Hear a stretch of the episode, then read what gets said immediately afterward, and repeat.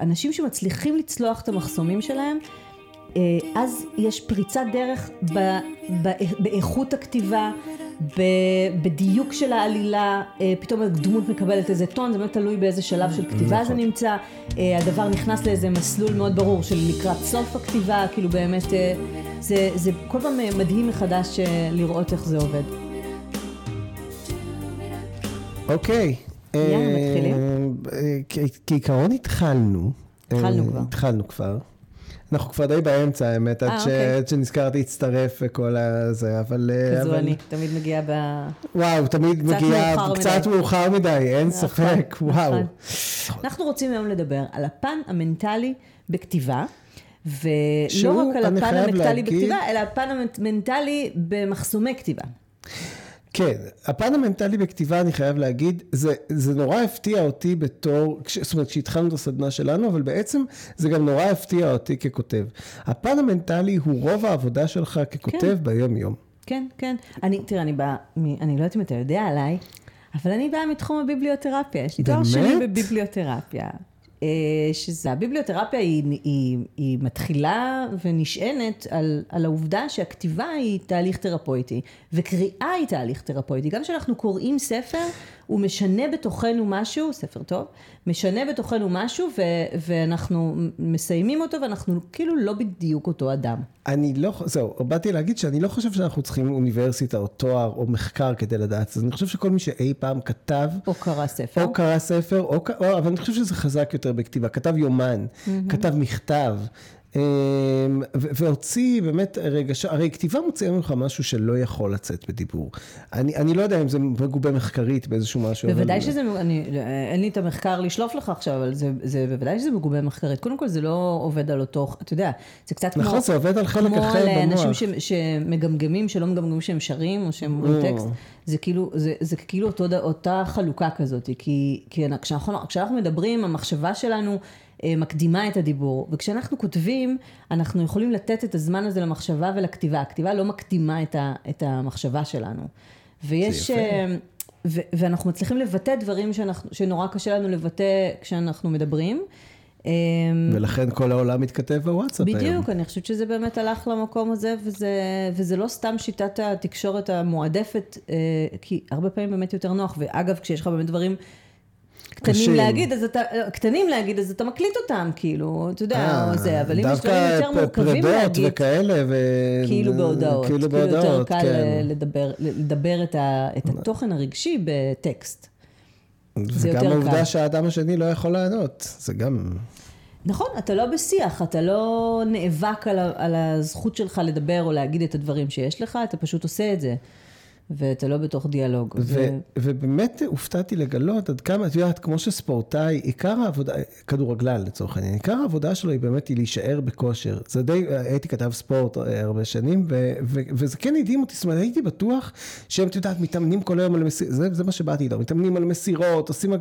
לא, מדברים איתם על תזונה, מדברים, יש להם מאמן מנטלי שעובד איתם המון שעות, והאימונים עצמם הם אולי שעה ביום. גם החדר כושר, הם עושים 40 דקות, כאילו לא יותר מזה.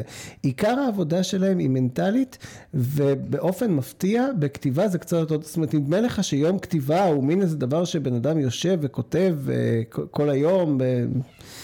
מה, אנחנו כבר שחקנו את הדימוי הזה בעצמנו בספרייה עם, אה, עם חלוק, אבל, אה, אבל עיקר העבודה היא מנטלית, ורוב המחסומים שלנו, זאת אומרת, רוב ה... וזה דבר שאת גילית בסדנאות שלנו, כי כן צריך לספר, כשפתחנו ביחד את, אה, את עינה לבוק, סדנת הכתיבה שלנו לסופרים, שאגב מספונסרת את הפודקאסט הזה, ו...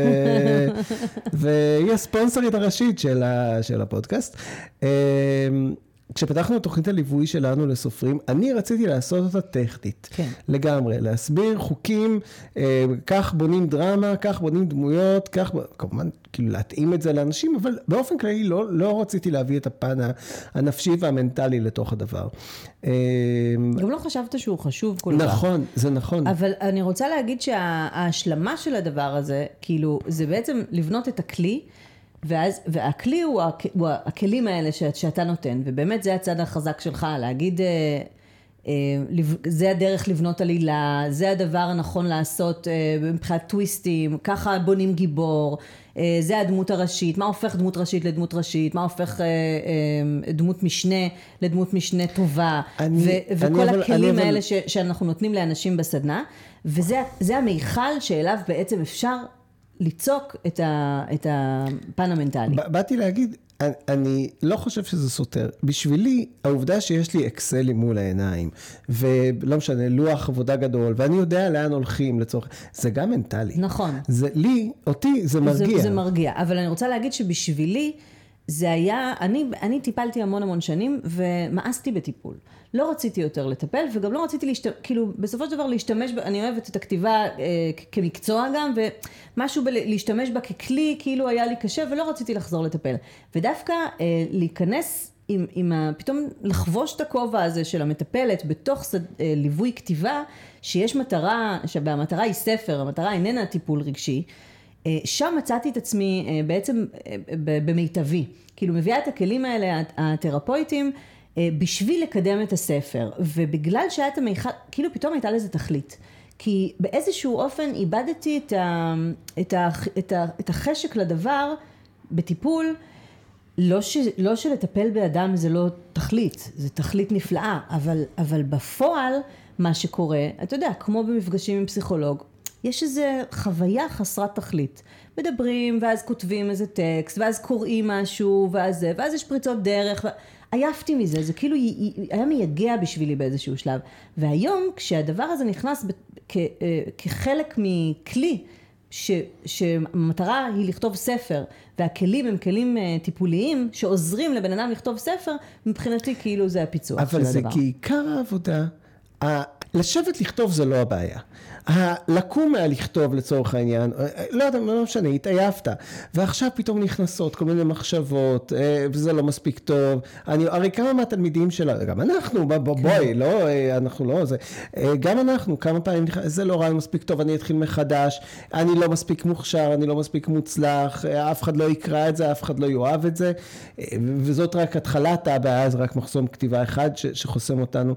עיקר העבודה על עצמנו, שלנו, עם עצמנו כ- ככותבים, היא, היא בעצם במרווחים שבין אה, שעות... יודעת, בעצירות, בדיוק, להרים את עצמנו לכתוב לצורך העניין, זה גם, זה וגם גם נורא להמשיך עם קשה. אותו דבר קדימה, כי, כי בסופו של דבר לפעמים אנחנו יוצאים לדרך עם איזשהו, עם איזשהו רעיון, ואנחנו נורא דלוקים עליו, ובא לנו עליו, ו, ולכתוב ספר זה, זה, זה דרך ארוכה, וזו התחייבות ארוכת טווח, ולהישאר עם ההתחייבות הזאת לאורך זמן, זה הדבר הקשה, ובדרך יהיו המון עצירות ו, ורגעים בהם מאלף סיבות נגיד אוקיי זה לא בשבילנו. עכשיו אני חושבת ש... מעבר לזה שאנחנו עוזרים לאנשים לצלוח את המקומות האלה, ובאמת להסתכל ולהגיד איפה נגעת, איזה, איזה קושי עולה פה עכשיו שבגללו עצרת ו, ו, ובכלל את אומרת אולי אני לא אכתוב את זה, אולי זה לא טוב, איפה, לאן הגענו? כי, כי גם- צריך כן. להגיד על מה שאת אומרת, זה אף פעם לא נכון. מעטים מאוד, בודדים, האנשים שבאו אלינו ואמרו לנו אה, אה, על טקסט, זה לא מספיק טוב, ואמרו להם, אתה יודע מה, טוב שאתה אומר את זה בעצמך, כי באמת לא היה נעים לא, להגיד. לפעמים טקסט יכול להיות לא מספיק טוב, כן, ואגב אבל, זה גם אבל לרוב, מחסום, לרוב כאילו. שמנו לב שזה קורה דווקא אחרי אה, פריצת דרך. דווקא אחרי שאתה תופס איזה זון, נוגע באיזה משהו רגשי, גם אצלנו, גם אצלנו, גם אצלי. כשאני כותב, אני תמיד יודע ש, שנגיד, סתם, היום אני יודע על עצמי, שיש לי כמה ימים של חוסר ביטחון. אני יודע שזה סימן נגיד שאני מבשל את, ה, את הפתרון. אז זהו, אני חושבת שזה לא אחרי, זה לפני. אני חושבת שלפני שיש פריצת דרך, יש את העצירה הזאת, ובגלל זה אמרתי לך לא מזמן שאני מרגישה שזה כמו קפיצות גדילה. זה כאילו ה... הרפרנס הזה, ש, ששוב, קפיצת גדילה זה כאילו הדבר שאנחנו בעיקר אה, מזוהה עם תינוקות ועם ה, עם גידול ילדים בכלל, אבל אנחנו חווים זה קפיצות קצת- זה גדילה ספר כל הוא קצת חיינו. ילד. וספר הוא גם קצת ילד, אבל גם אנחנו חווים קפיצות גדילה כל הזמן, כל החיים אנחנו חווים קפיצות גדילה. ו, וכמבוגרים זה הרבה פעמים באמת מתבטא במחלה, בתקופה של איזה לואו, כאילו ששום דבר לא הולך, אתה מכיר את זה? שום דבר לא מסתדר ושום דבר לא הולך ואתה כאילו אומר זהו, החיים שלי כאילו נגמרו, ככה הם הולכים להיראות, הכל מעפן וזה, ואז יש איזה גדיעים, אנחנו אה, משכילים לצלוח את המקום הזה ולהתבונן בו ולגייס כוחות חדשים, אנחנו מגיעים גם למקום חדש. ו, ובתוך הכתיבה, המקומות האלה, אנחנו כאילו לפני, אנחנו כבר יודעים להגיד לאנשים, אה, אוקיי, שני, בוא, בוא נעבור את זה, כי, אנחנו יודעים, אנחנו כאילו מחזיקים עבורם, שזה באמת אה, ניסוח מאוד טיפולי, מחזיקים עבורם את האמונה ש, שברגע שנצלח את זה תהיה איזו פריצה מאוד גדולה בכתיבה. וזה מה שאנחנו בעיקר רואים. אנשים שמצליחים לצלוח את המחסומים שלהם, אה, אז יש פריצת דרך ב, ב, באיכות הכתיבה. בדיוק של העלילה, אה, פתאום הדמות מקבלת איזה טון, זה באמת תלוי באיזה שלב של כתיבה זה נכון. נמצא, אה, הדבר נכנס לאיזה מסלול מאוד ברור של לקראת סוף הכתיבה, כאילו באמת, אה, זה, זה כל פעם מדהים מחדש לראות איך זה עובד. אז בואי נדבר על הצד המנטלי. כי לא דיברנו עליו. לא, אני, אני באמת כאילו... הלכה למעשה. הלכה למעשה, שנעשה את זה מסודר. אה, כי המחשבות האלה של אני לא מספיק טוב, או אני לא מספיק מוכשר, או הספר שלי לא מספיק טוב, הן שם כל הזמן. זה לא, אני, אני באמת חושב שחשוב להגיד, אני לא חושב שמסתובב איזשהו סופר ואומר, פאה, ספר, אני כזה גדול, אני... עצם, מראש אנחנו אנשים מודעים. מראש אנחנו... אה, זה, זה לא קשור למודעים, רק זה ביקורתיים. אני חושבת ש... אני כן יכולה להגיד, ואני חושבת שגם אתה מרגיש את זה, ומותר גם להגיד את זה. שלפעמים כן, יש איזה שוונג של כתיבה שאתה קורא ואתה אומר, פפ, מדהים, מי כתב את היופי הזה? וזה על עצמך וזה בסדר, גם, גם חי... זה... אני חייב להגיד שלרוב מדובר בקטעים הפחות טובים, שנופלים. הפחות טובים שנופלים בעריכה, כן. לא, אבל יש איזה, כאילו לפעמים יש איזה פלואו נורא טוב. אתה יודע, אני גם חושבת שגם כשאנחנו אומרים את זה לאנשים, לפעמים אתה רואה את ה... את זה שהם רק היו צריכים את החיזוק הזה מבחוץ. הם ידעו, אתה יודע כשיוצא לך משהו טוב. כי אני חושב, תראי, יש משהו בכתיבה, אני אגיד את זה עליי. ואני בטוח שזה גם נכון לגבי אנשים אחרים. העולם לא מברך אותך כשאתה מחליט לקחת כתיבה ברצינות. בניגוד לאם הייתי אומר, אני הולך לפצח את הס... למצוא תרופה לסרטן, סתם להיות מדען. אה, יש לנו תלמידה שאימא שלה אמרה לה, בסדר, זה דווקא דבר רציני. אם את נכון. הולכת לכתוב, אז זה נכון. בסדר. עזבת הייטק, אבל אם זה בשביל לכתוב ספר, זה בסדר. אז אחת כזאת. אבל אני חושב שהעולם, לא באמת, אני חושב שהעולם, וזה חלק מהעניין של המנטליות. העולם באופן כללי, לא מאוד מברך אותך על, על ההחלטה לקחת כתיבה ברצינות. בין אם לכתוב ספר, מישהו תמיד יגיד לך, אף פעם, אני חושב... אתה תמיד, כותב ספר? בדיוק, אתה וזה, ומה, אתה יודע כמה ספרים יוצאים בשנה, אתה תמכור. כן, וגם יש אצלנו הרבה אנשים שאומרים, כל הזמן אומרים לי, מתי כבר תוציאי ספר, או מתי תכתבי את הספר שלך, ומתי, גם זה יש, ואנשים יותר עוצרים את עצמם מאשר הסביבה עוצרת אותם. אני, אז תכף, תכף את תגידי את דעתך, אבל אני באמת חושב ש... לא יודע, אני... נתקלתי במורים, נגיד, ש, שניסו מאוד לכוון אותי לפן הריאלי, ו, ולהגיד שכתיבה זה לא מקצוע. מישהו מתישהו יגיד לך שכתיבה זה לא מקצוע, מה שאני באמת חושב שנגיד מדענים אה, פחות מקבלים. אף אחד לא יגיד למישהו במ... אה, שמכוון את עצמו למכון ויצמן, יגיד, מדע זה לא מקצוע. אה, אני בטוחה שכל אחד שומע משהו. אה, באמת? אתה הולך להיות חוקר ולא רופא? אז אתה כנראה לא מספיק... יכול להיות. אנשים לא מבינים על מה הם מדברים בעיקר. אבל בכל זאת, הדבר שלנו נחשב כתחביב. וגם אתה וזה, ו, ואני כן חושב שזה אה, חלק, חלק מהקולות הם כאלה, זאת אומרת אתה באמת, כאילו כי איך אתה יודע שאתה טוב, איך יודעים שאתה טוב, מתי יודעים שאתה טוב, איך, אה, ובאמת, העניין שאין לזה, אני, אני, לקח לי מלא זמן להבין שאין טוב ורע. אנחנו מסתכלים על זה כאילו כמו מבקרי ספרות, אבל גם מבקרי ספרות הם, א', יש להם כלים משלהם לבקר, וב', לרוב הם לא קולעים לטעם הקהל, אה, מסיבות, הייתי גם מבקר, מסיבותיהם שלהם, אפשר לדבר על זה בהזדמנות. אבל זה לא העניין עכשיו. העניין הוא שאתה, אה, באמת, הרעיון הוא להגיע ללא טוב או לא טוב, אלא לכמה שיותר אותנטי. זאת אומרת, כמה שיותר הקול שלך, כמה שיותר הסיפור שלך, כמה שיותר להגיד, אני הייתי קורא את זה. ואת זה אפשר לזהות. זה, זה כמו, בדיוק. הרי, הרי כל פעם שזה לא, זה כמו זיוף. והאוזן כבר הופכת גם להיות... הגוף, גם הגוף מרגיש את זה. אתה מרגיש את זה, ואני חושבת שגם קורא מרגיש את זה, בטוח, קורא מרגיש את זה, וגם הכותב מרגיש את זה. קהל מרגיש את זה, זה מדהים. קהל מרגיש את זה מיד. מדהים אנחנו, מיד. אה, לזהות את הזיוף הזה ולהגיד, אה, זה עוד לא שם. עכשיו, אני חושבת שאחד הדברים הטובים שאנחנו עושים, ו, ומשמעותיים בתהליך, ולעצם התהליך, זה שאנחנו עוזרים לאנשים... אה, להבין את שיטת העבודה של עצמם. כאילו לראות איך הם פועלים, כי דראפט ראשון הוא תמיד גרוע. ואתה יודע, בן אדם מתיישב לכתוב, יש לו רעיון מדהים לספר, ו... ואז... אה, אני רוצה להגיד לך שאחד הדברים הקשים, הקשים, כשאני, כשאני מתחיל פרויקט, אני חושב שאת מכירה את זה גם, זה הפער שיש לי בראש בין איך שזה אמור להיות איך שזה ומה שיוצא אמור לך. להיות ומה שיוצא לי על הדף. אתה אומר, אימא'לה, אני לא, אני באמת, אני לא אמור לעסוק בזה. עכשיו, הדבר היחיד שמרגיע אותי בתקופות האלה, זה, זה באמת, כאילו, היה חסר מישהו עם ניסיון, ואם אה, יש מישהו שמתחיל ממאזיננו, אז באמת אני רוצה, הדבר היחיד שמרגיע אותי, שאני יודע להגיד לעצמי שזה יסתדר. אבל, אבל זה מה שאנחנו מצליחים לעשות בשביל אנשים. כי אנשים לרוב לא מגיעים עם הניסיון הזה, ו, והם כן באים ואומרים, טוב, יצא לי גרוע, אני לא מצליחה לכתוב. גם אה, מלכת הכיתה לצורך העניין, אה, התחיל והיה, את מחקת כמעט ספר שלם נכון, בסופו של דבר. מחקתי ספר שלם. אבל, אה, אבל שוב, אתה יודע, זה, זה היה מאוד מייאש, וזה היה חתיכת מחסום. אה, כאילו, ראיתי את זה, ואז עד שהצלחתי לחזור לזה, לקח לי את הזמן שלקח לי, אבל גם הזמן הזה היה זמן התבשלות, באמת להבין, גם להשלים עם זה, זה קצת סוג של אבל, בוא, מחקתי איזה ש- 11 פרקים. כן, אנשים נורא נקשרים למילים שלהם, וצ- וצריך באמת להגיד אולי אני עוד... שומרת אותם, ומתישהו אני אשתמש בזה. באמת? לא, אני... סתם, אני לא, אה, אבל אני, אתה יודע, המחשבה להגיד, טוב, זה כאילו, אני, אני אשמור את זה איפשהו, אבל זה לא הספר שרציתי לכתוב. זה לא, זה, זה הגיע לאיזה dead end, זה לא הכיוון שאליו אני רציתי מת- אני ללכת. מתבייש להגיד, כי זה, כי זה מטומטם. אבל יש לי אמונה תפלה אמיתית. זה, זה, זה בסוף, זה בסופו של דבר הוכיח את עצמו כל פעם מחדש, אבל כל פעם זה משבר נפשי, כאילו זה, אני לא עושה save. יש לי את קובץ הטקסט של הספר שלי, אני יודע שהמחשב עושה save מדי פעם. הוא מוגדר לו איזה פעם ביום או משהו כזה. ואני לא משחק עם ההגדרה הזאת. ולפעמים אני מגיע ונמחקים לי, כאילו, קורה משהו, נמחקים לי איזה 600 או 700 או 1,000 או פרק שלם שכתבתי. או אלף מילה. או אלף מילה, היה, כן, כן, כן, זה- כן. אה, ונמחק לי איזה פרק שלם שכתבתי, ותמיד אני אומר לעצמי, אם זה נמחק, סימן שזה לא היה סימן צריך שזה לא היה. צריך להיות, ואת יודעת מה? זה מטומטם, אבל תמיד בסוף יוצא לי משהו יותר טוב ממה, ש... ממה שנמחק. כמובן, כל פעם כשזה קורה, אני מקלל את עצמי, אני איזה מטומטם אתה, די, די, באמת, זה... אני לא מבינה את הרציונל מאחורי הדבר. אמונה יש, טפלה, אין לה אה, רציונל. אין, אין, לה, רציונל, אין לה רציונל, אני לא עושה save, אני סומך על ה...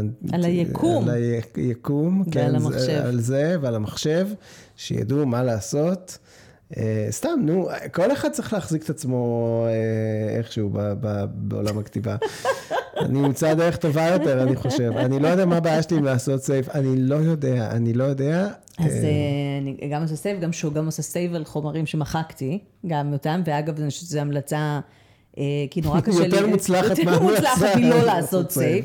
אה, לשמור בגלל זה אני גם לא. כותב ב Google Docs, כי זה שומר כל הזמן. זה שומר הכל. נכון. לשמור את הדברים שגזרתם, להוריד, לשמור את הפרקים שהחלטתם שהם לא לעניין, את הדיאלוגים שהורדתם, את כל מה שאני בעריכה כתבתי לכם מיותר, מיותר, מיותר. צריך, אבל צריך, תשמרו אבל, את זה איפשהו. אבל צריך להגיד למה, אבל צריך להגיד למה. כי מדובר באמת בחומר גלם. ו, ו, ו, ולא לימדו אותנו בבית ספר שכתיבה היא תהליך. היא תהליך, זאת אומרת, יכול להיות שכתבת משהו לפני שלושה חודשים, ובעוד ארבעה חודשים אה, תיזכר ותגיד, אה, אה, רגע, בעצם ההמשך של העלילה נמצא שם, או התובנה. הזאת שכתבתי שם ולא קשורה לכלום והייתה גרועה, בעצם עכשיו הבנתי. היא מקבלת את המקום שלה. בדיוק. אה, לצורך העניין, אני התחלתי בכולם לחייך עם באמת בדיחת הביטוח שלחלוטין התחילה מזה, מסיפור אמיתי, מאימא שלי שתמיד שואלת אותי מה, אני לא מוכן שהם יעשו לי את הביטוח שלהם, כי הם עשו אותו ברמי לוי, או אלוהים יודע כאילו איפה האנשים האלה עושים ביטוח נסיעות.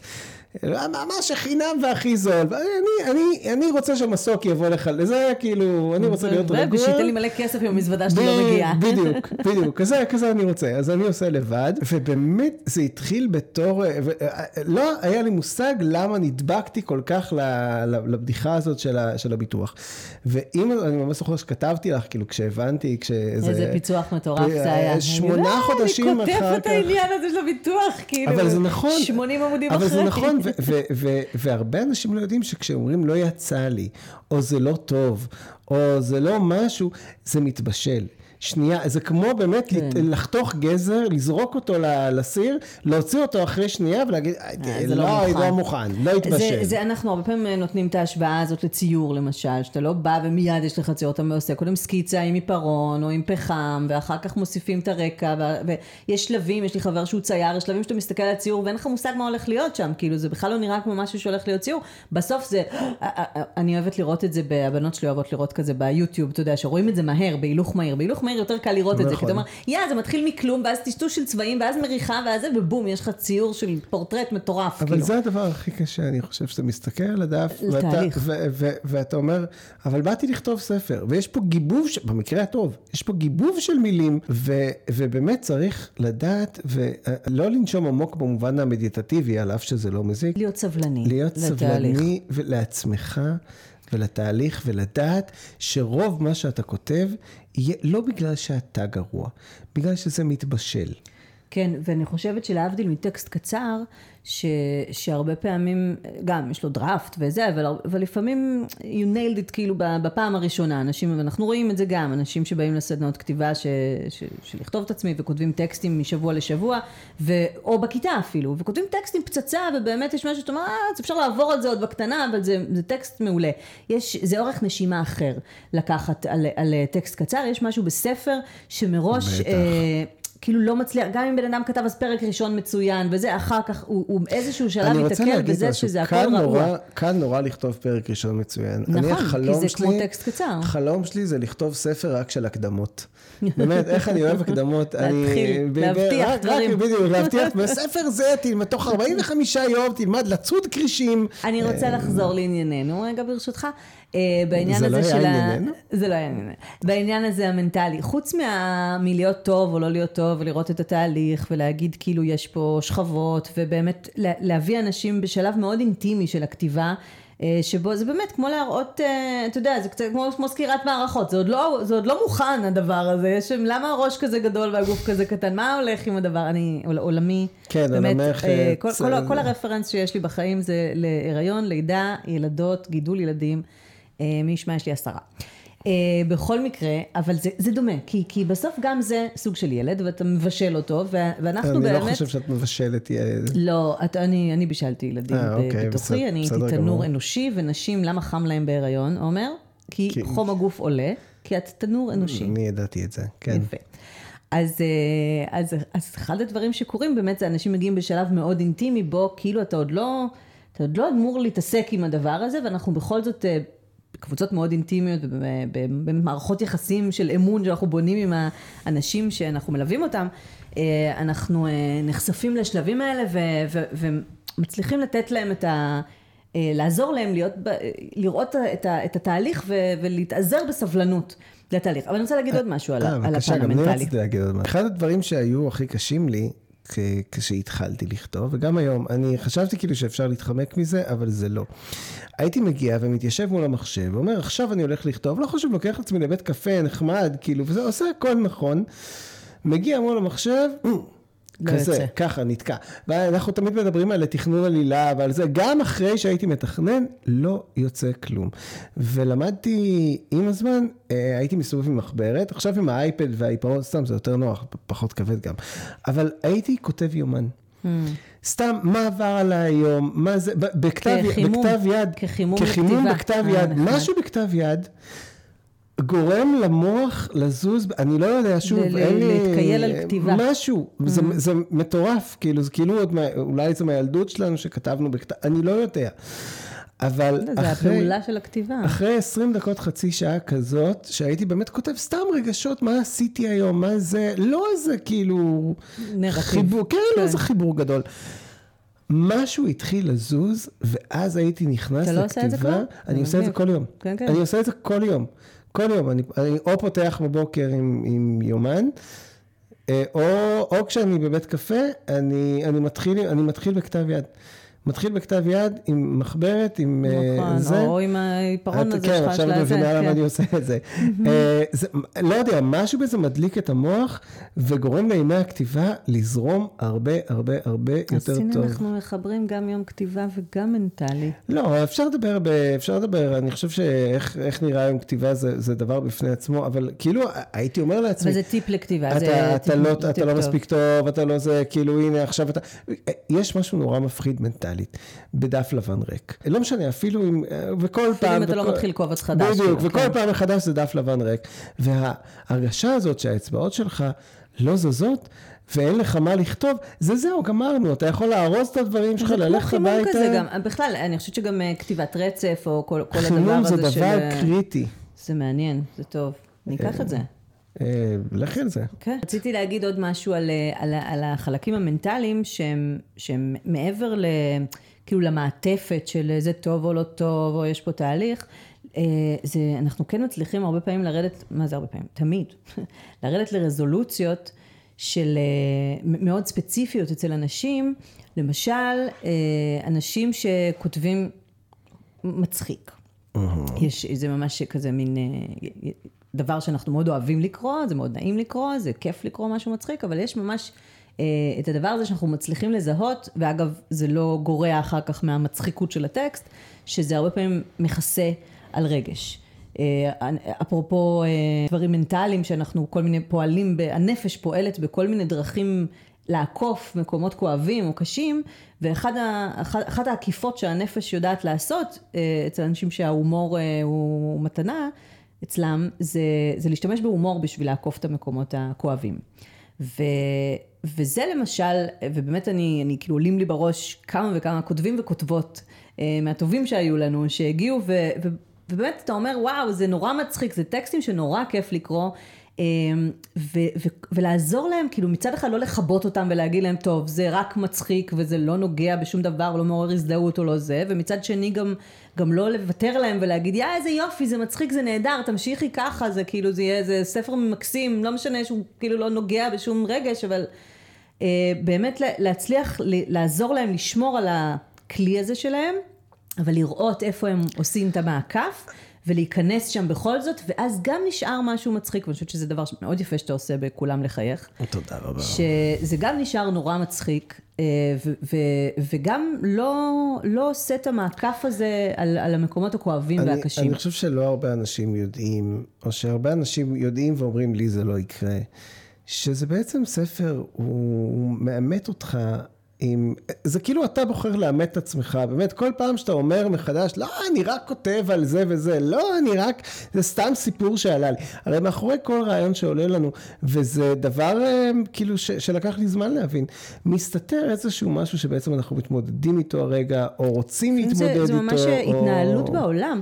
כמה פעמים קורה שאנחנו אומרים, ל... אני, אני אגיד כותבת, כי סתם, כי הנטייה הזאת להגיד כותב מעצבנת אותי, אבל אה, אנחנו, כמה פעמים אנחנו אומרים ל, ל, לכותבת למשל, אה, יש בטקסט כל כך הרבה דמויות וזה, ודווקא הדמות הראשית, נעדרת מהטקסט, עליה אנחנו יודעים הכי פחות, היא הכי פחות מביאה את עצמה, היא הכי פחות באה לידי ביטוי. לא, לא, צריך לדעת ואז, שאנחנו... ב, ו- ואז נופל שם איזה אסימון, אתה רואה, לפעמים הוא מיידי, לפעמים לוקח זמן, בכל מקרה זה עושה עבודה תרפויטית, ש, ש, שאת מבינה שאת uh, מדירה את עצמך ואת שמה אחרים לפנייך, לצורך העניין. כן, שמה אחרים זה קורה לפנייך. הרבה- זה קורה הרבה אצלנו. ולה, ולהראות את זה דרך טקסט, להראות את זה דרך, דרך דמות ראשית ודרך התהליך, כמה עבודה זה עושה ואיך אנשים באמת זה משנה את חייהם, זה מה שיפה. ברור, כשאתה הולך לטיפול, אתה יודע שאתה עולה, אתה, אתה לא חושב שזה הולך להיות קל, הולך, ואיכשהו עם כתיבה נדמה לנו שזה הולך להיות כיף, הולך להיות, עכשיו, זה כן, אני חייב להגיד, כשזה כן הולך ודברים כן מתחרים, אז באמת נהיה כיף. כשאתה כן. כאילו מצליח לחבר את הנקודות,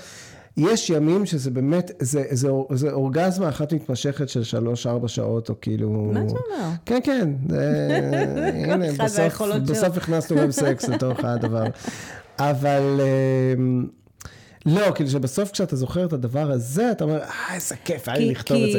כי- אבל- כי- אבל כי שנייה, כיף אבל- הוא אבל- סיפוק. נכון, אבל, המשמעות של הכיף היא סיפוק. אבל הידיעה הזאת, הברורה, שאתה הולך להתעמת עכשיו עם דברים שהנפש שלך מבקשת אה, להתעמת איתם.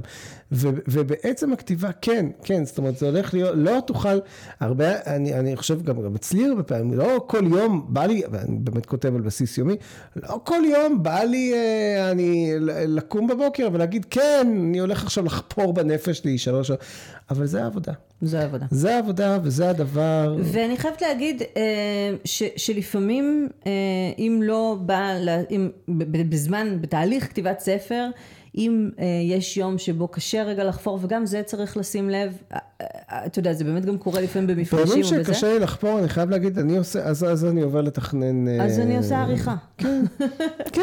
עוברת, עושה קצת כן. דברים טכניים, אומרת, הפסקה הזאת מיותרת, גם, גם אז יש באמת לפעמים איזה רוחק, מרחק כזה, ואיזה נקודת מבט אחרת, ואפשר לנתק רגשית קצת, ולהגיד, נה, זה, זה לא...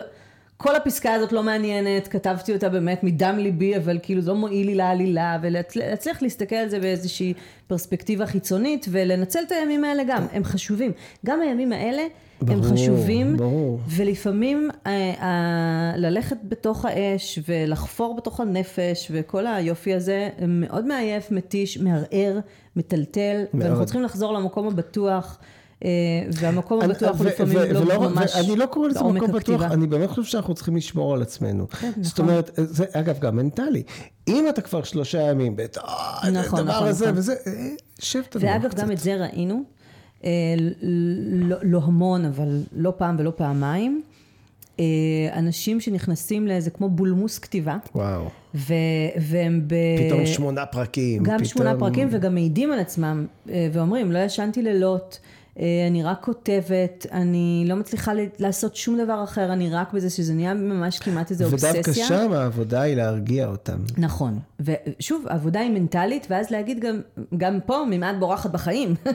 כאילו, איפה, אה, גם פה הכתיבה הופכת להיות איזשהו אה, דבר להתעלות בו, וגם זה לא בריא, כאילו, גם זה מקום ש, שצריך כל הזמן לבדוק אותו ו, ולשמור על עצמנו. כן. ונדמה לי שאחד הדברים הכי קשים, אם לא הקשה, שבהם, אנחנו פשוט לקראת סיום, כן. זה שבעצם, אני חושב שבניגוד לפייסבוק או אינסטגרם או, או, או פורמטים שבהם אתה לא, הם לא רק קצרים יותר, אתה בסוף גם לוחץ על פאבליש mm. או פוסט, או לא משנה מה, כאילו טור אישי, מי שהתמזל מזלו. ובספר, בסופו של דבר, אף אחד לא מחכה לטקסט שלך. עכשיו, גם אם, אה, אם אתה חתום עם הוצאה זה קצת יותר קל, אבל כל אחד הרי מתחיל מה, מהנקודה ומהמקום, שנינו התחלנו מהמקום שבו בעצם אף אחד לא חיכה, אף אחד לא חיכה לטקסטים שלנו. ו, ושם בעצם באמת המאבק המנטלי הכי קשה.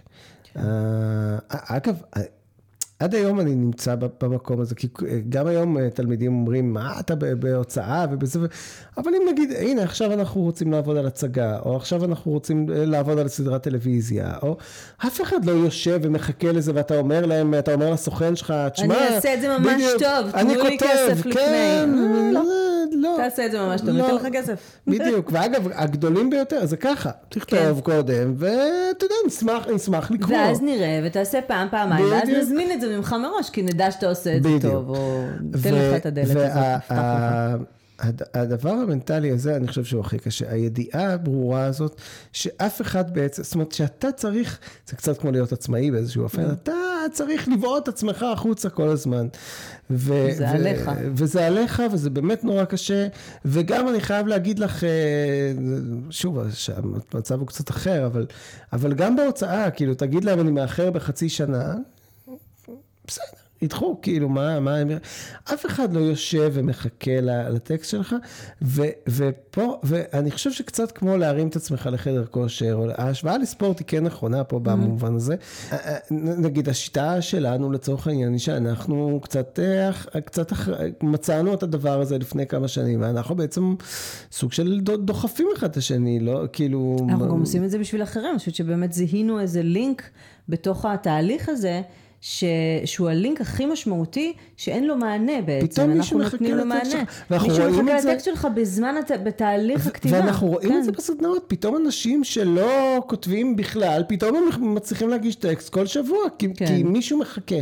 ולהחזיק מישהו שמחכה, ואגב, כן. רגע, רגע, רגע, no. אני רוצה להגיד, זה צריך להיות המישהו הנכון. בדיוק. לרוב... אה, אנשים נותנים לבן זוג שלהם, או לחבר שלהם, או להורים שלהם, לא יודע למה. שלא בטוח אה, שהם מחכים. של, לא רק שלא בטוח שהם מחכים, לא בטוח שהם האנשים הנכונים לקרוא, סתם, מי שכותבת על...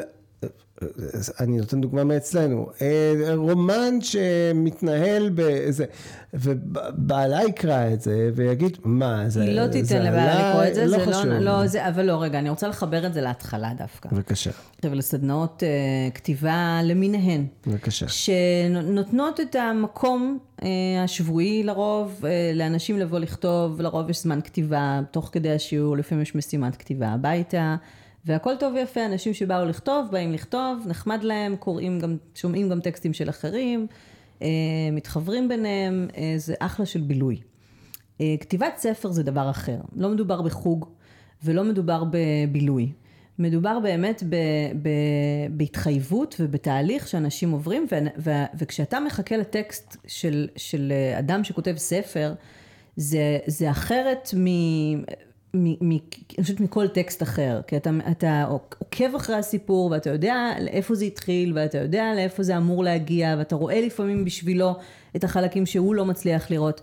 ו, ולדעת לתת לזה משוב נכון בשביל שיקדם את האדם, כי זה לא רק בואו תקראו מה כתבתי ויגידו לך אה, יופי הבן אדם הבא או נחמד או זה לא עבד לי או זה כן, אלא באמת ייכנסו איתך כאילו אין עוד שום אדם בעולם וכאילו לא נכתב עוד אף טקסט לפני כן. אה, וזה המרכז, ואני חושבת שזו החוויה, ואני חושבת שאנחנו לא יודעים כבר לעשות אחרת. אני חושב שזו הסיבה העיקר, העיקרית לבוא לס- לסדנת כתיבה, תוכנית ליווי, לא משנה מה, המסגרת. אם כי אני חייב לתת... אבל זה לא רק אם המסגרת, זה מה שאני חייב- אומרת. לפעמים יש מסגרת שהיא נחמדה, והיא טובה והיא מספקת את הדבר הזה של כתיבה, אבל היא לא מס- מספקת את, ה, את המהלך, נכון, את את האקסטרה מהלך ברור. הזה שאנחנו עושים, שהוא גם מהלך אה, מנטלי. אני חייב לתת טיפ אבל, יש אתר שבו אתה מתחייב למשהו ושם סכום כסף, שלם, לא משנה 300 דולר, 3,000 דולר, כמה שבא לך כאילו. עכשיו, האתר אומר, עמדת במשימה, אנחנו מחזירים לך את הכסף. לא עמדת במשימה, הפסדת את הכסף. בואנה, זה סטארט-אפ מטורף, כי זה- אנשים לא עומדים במשימות שלהם, והם בדיוק. מרוויחים כסף מאנשים זה- שלא עומדים במילה זה שלהם. סטארט-אפ אדיר, ו... ואני חייב להגיד שגם אני אה, השתתפתי עד שהפסדתי שם כסף, אה, כאילו אמרתי, מה? אני לא... תחזירו לי את הכסף, בדיוק. אני התחרטתי פשוט. אבל, אה, אבל זה, זה גם, ואני חושב שזה החלק הכי קשה. כי בעצם אתה קם ואתה כותב ואתה, ואף אחד לא מחכה לזה ואין לך שום הרגשה של תהליך ואין לך שום דבר. ואני חושב שאם כבר שמים כסף, אז באמת לשים את זה על מסגרת שבאמת, קצת כמו מאמן אישי, נו מה, התקופות היחידות בחיי שעשיתי ספורט, היה או כשהיה לי חוג, או כשהיה לי כמו פילאטיס פעם. בשבוע, וקבעתי שיעור ולא היה לי נעים מהמורה, אז באתי. וגם כבר שילמת עליו, נכון, אגב, זה גם שילמתי דבר, עליו. וואו, אני כל כך פעמים הלכתי לשיעור פילאטיס, כי פשוט שילמתי על זה כבר, וזה עצבן אותי להפסיד. אז גם, גם, אה, וצריך גם לדעת ש- שאנחנו צריכים לתת לעצמנו, אפרופו מנטליות, אנחנו צריכים לתת לעצמנו את המס... כל הזמן. כל הזמן לשמור את עצמנו במסגרת, זה לא יקרה מעצמו. מאתגרת, שוב, אלא אם כן בא לכם לכתוב ולהתפנן עם זה, כאילו נטו. לא, אבל אנחנו אבל מדברים אם על אתה רוצה כתיבת לכתוב ספר. ספר, אז לתת מסגרת שהיא גם מאתגרת, וגם, כן, לא עושה, לא רק אה, אומרת, יא, איזה יופי שכתבת שעות והגעת. כתיבה קבועות, ימים קבועים, באמת זה עוזר לראש... אה, להתחייב אני לדבר. נורא אוהב לצטט את המחקר הזה, כי הוא מחקר נהדר, שבדקו אה, קבוצות של...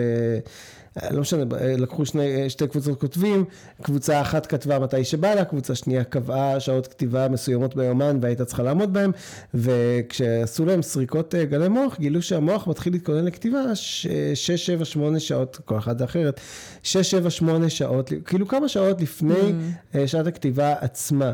כשהמוח יודע שהוא הולך לכתוב, הוא כאילו מתחיל בתת מודע שלו להיפתח ולהתכונן. ו- ולדבר הזה. כמו בנסיך הקטן, עם השועל. שהוא אומר לו, מתי תגיע אה, לפגוש אותי? ואז הוא אומר לו, אני לא יודע, הוא אומר לו, אתה צריך להגיד לי שעה. ואז הוא אומר לו, אני אבוא בחמש. ואז הוא אומר לו, אז יופי, כי אני אתחיל להתגעגע אליך בשלוש. כי אנחנו מכינים את עצמנו לדבר. נכון, אז אנחנו מכינים את עצמנו לכתיבה, וצריך לדעת רוב הדבר, לפני שמדברים על ימי כתיבה, ואנחנו נדבר, ואיזה שולחן, ואיזה כיסא, ואיזה קפה, ואיזה מחשב, אה, ואיזה אפליקציה, וכבר בתוכנית הבאה, זה מה שאנחנו, בפרק הבא, זה מה שאנחנו נעשה, אבל לפני זה, חייבים לדעת שיש המון המון המון עבודה מנטלית לעשות, ובדיוק כמו שספורטאי שומר על עצמו, שומר על התזונה שלו, שומר על שעות אימונים קבועים, גם הגוף מתכונן נכון. לאימון, הוא הוא לא יוצא לרוץ ב-10 בלילה, אז, אז הדבר הזה באמת, צריך כל הזמן להישאר בכושר. נכון. שעות קבועות, ימים קבועים. אז אני אלך לרפרנס אה, האהוב עליי, שהוא שוב מעולמי, הסדרי ראייה עם הכתיבה. אה, כן, ואתה לא מבריז. אתה, יש לך הסדרי ראייה עם הכתיבה, ואתה החלטת על יום ועל שעה, אתה לא מבריז מזה, אתה מגיע, גם אם לא כך בא לך, וגם אם בא, יש לך דברים טובים יותר לעשות היום, ולא. וצריך להגיד, רובנו אנשים, אה, רובנו אנשים חלשים. אני עם ההוצאה, אה, באמת שם לי קנס כספי, זאת אומרת, אה, יש לי הסכם, אה, לא משנה, הם אמורים לתת מקדמה, ואני תמיד מוכן שייתנו לי רק אה, 30% ממנה, ו-70% עם מסירת הטקסט. עכשיו, אני מגדיר גם תאריך בחוזה. עכשיו, זה מאוד מטומטם מצידי. שאתה שם על עצמך כבלים. כן. שם, אני, זה מאוד מטומטם, הת- התאריך יכול להישאר פתוח, הם לגמרי מוכנים לזה, אבל אני אומר... לא, אבל זה דדליין, אני זה בדיוק, חשוב. אני אמרתי 30 ביוני, הספר הזה, כי, כי יש דברים שאתה יודע שהם יימשכו כמה זמן שתיתן להם להימשך. אני יכול גם וגם אם להגיש אותו תדחה בעוד את זה יהיה שנתיים. ביחס ל-30 ביוני הזה, ואם. תגיש את זה בסוף אוגוסט, תגיד, אה, דח- אה, רק בחודשיים התעכבתי, בדיוק. עדיין זה יהיה ביחס לזה. בדיוק, ידעתי פחות או יותר מתי אני רוצה לסיים את זה, ושמתי תאריך בחוזה אה, של הספר החדש, כי ב- ובאמת אפשר היה להשאיר את זה פתוח. זה הכל מסגרות קטנות שאתה עושה לעצמך, לא משנה, כל מיני כבלים קטנים כאלה, חוקים קטנים כאלה, המון, זה, בסופו של דבר זה המון משמעת. משמעת. עצמית. זה גם מנטלי, גם נכון, משמעת זה, עצמית זה זה בוודאי, סופר מנטלי, ברור. בוודאי שזה ברור. מנטלי. וה, ו, ורגע לפני שאתה בכלל מתיישב לכתוב, אתה צריך להאמין בעצמך שאתה יכול להיות כותב, אתה צריך לוודא שיש לך את המסגרת הנכונה, בין אם בתוכנית ליווי, בין אם, ב, לא יודע מה, קבוצה של חברים שכותבים, בין אם אה, האתר הזה שסיפרתי עליו, אני אעשה, לא משנה, הוצאה איזשהו- שמחכה לספר, הוצאה, כן, אם יש לך. הוצאה שמחכה לספר, באמת מצבך מאוד טוב, ואם אין לך משמעת עצמית בשלב הזה, זה זמן היה מאוד רע. לך ממש מזל. כן, אני לא מאמין שיש מישהו שאת יודעת חותם על ספרו השלישי כרגע, ואומר, "פרק, אני חייב אה, לדעת איך מפתחים משמעת, אני מאמין שיש לך כבר בשלב הזה. אבל, באמת, אה, המ- המון עבודה מנטלית. כל הזמן, גם לדעת, כל הזמן שזה חלק מהדבר, וצריך לשמור על עצמך מנטלית. אה, גם מצבי רוח זה חלק מה, מהדבר שצריך לדעת, מתי לכתוב ומתי לא לכתוב. הרבה אנשים אומרים למשל, אני כותב כשאני עצוב. זה לא שיטת עבודה טובה בעיניי. אה, זאת אבל- עבודה טובה לכתוב יומן. בדיוק, אבל לא, אבל לא, אבל לא טקסט. אמ, והמון המון המון עבודה מנטלית, ובפרק הבא, אחרי שעושים את כל הדבר הזה, אנחנו עוד נדבר מלא, גם בפרקים הבאים, על עבודה מנטלית, כי זה בוודאי, כי תמיד זה חלק חלק, בלתי נפרד. וזה לא, אני, אני, זה גם מה שאמרתי לך לפני שהתחלנו להקליט, זה הרי לא פרק, זה, זה המהות של הדבר. הנה, בסוף החזיק פרק. זה, ברור שזה יחזיק פרק, אבל זה, זה יחזיק את כל התוכנית, כי, כי זה המהות של הדבר. העבודה המנטלית, על זה אנחנו מדברים. גם כשנדבר על יום כתיבה, וגם כשנדבר על אפליקציות, וגם כשניתן דוגמאות של אה, ספרים ש, ועל תהליכים שעשו ושינויים ש... לא משנה על מה נדבר, תמיד הפן המנטלי יהיה חלק מהדבר. ו, ו, ואני חושבת שזה מהות הכל, כאילו להבין והפרק הזה הוא סופר חשוב, כי זה, זה הפרק שבו אנחנו מסבירים למה המנטלי זה הבסיס בכלל לגשת לכתיבה, וזה הבסיס לצלוח אותה ולהגיע לכדי ספר, ו, ואי אפשר בלי זה. בכל שלב שלא נעבוד, ולא משנה אה, איפה נשים את הפוקוס, בפרקים הבאים, תמיד אנחנו נדבר גם על הפן המנטלי. יפה. אז מדהים. אה, נגיד אה, תודה רבה, ונלך נלך לכתוב. אוקיי, או לאכול, אני גובה או את לאכול, וואו, אני רעב, מת. ממש.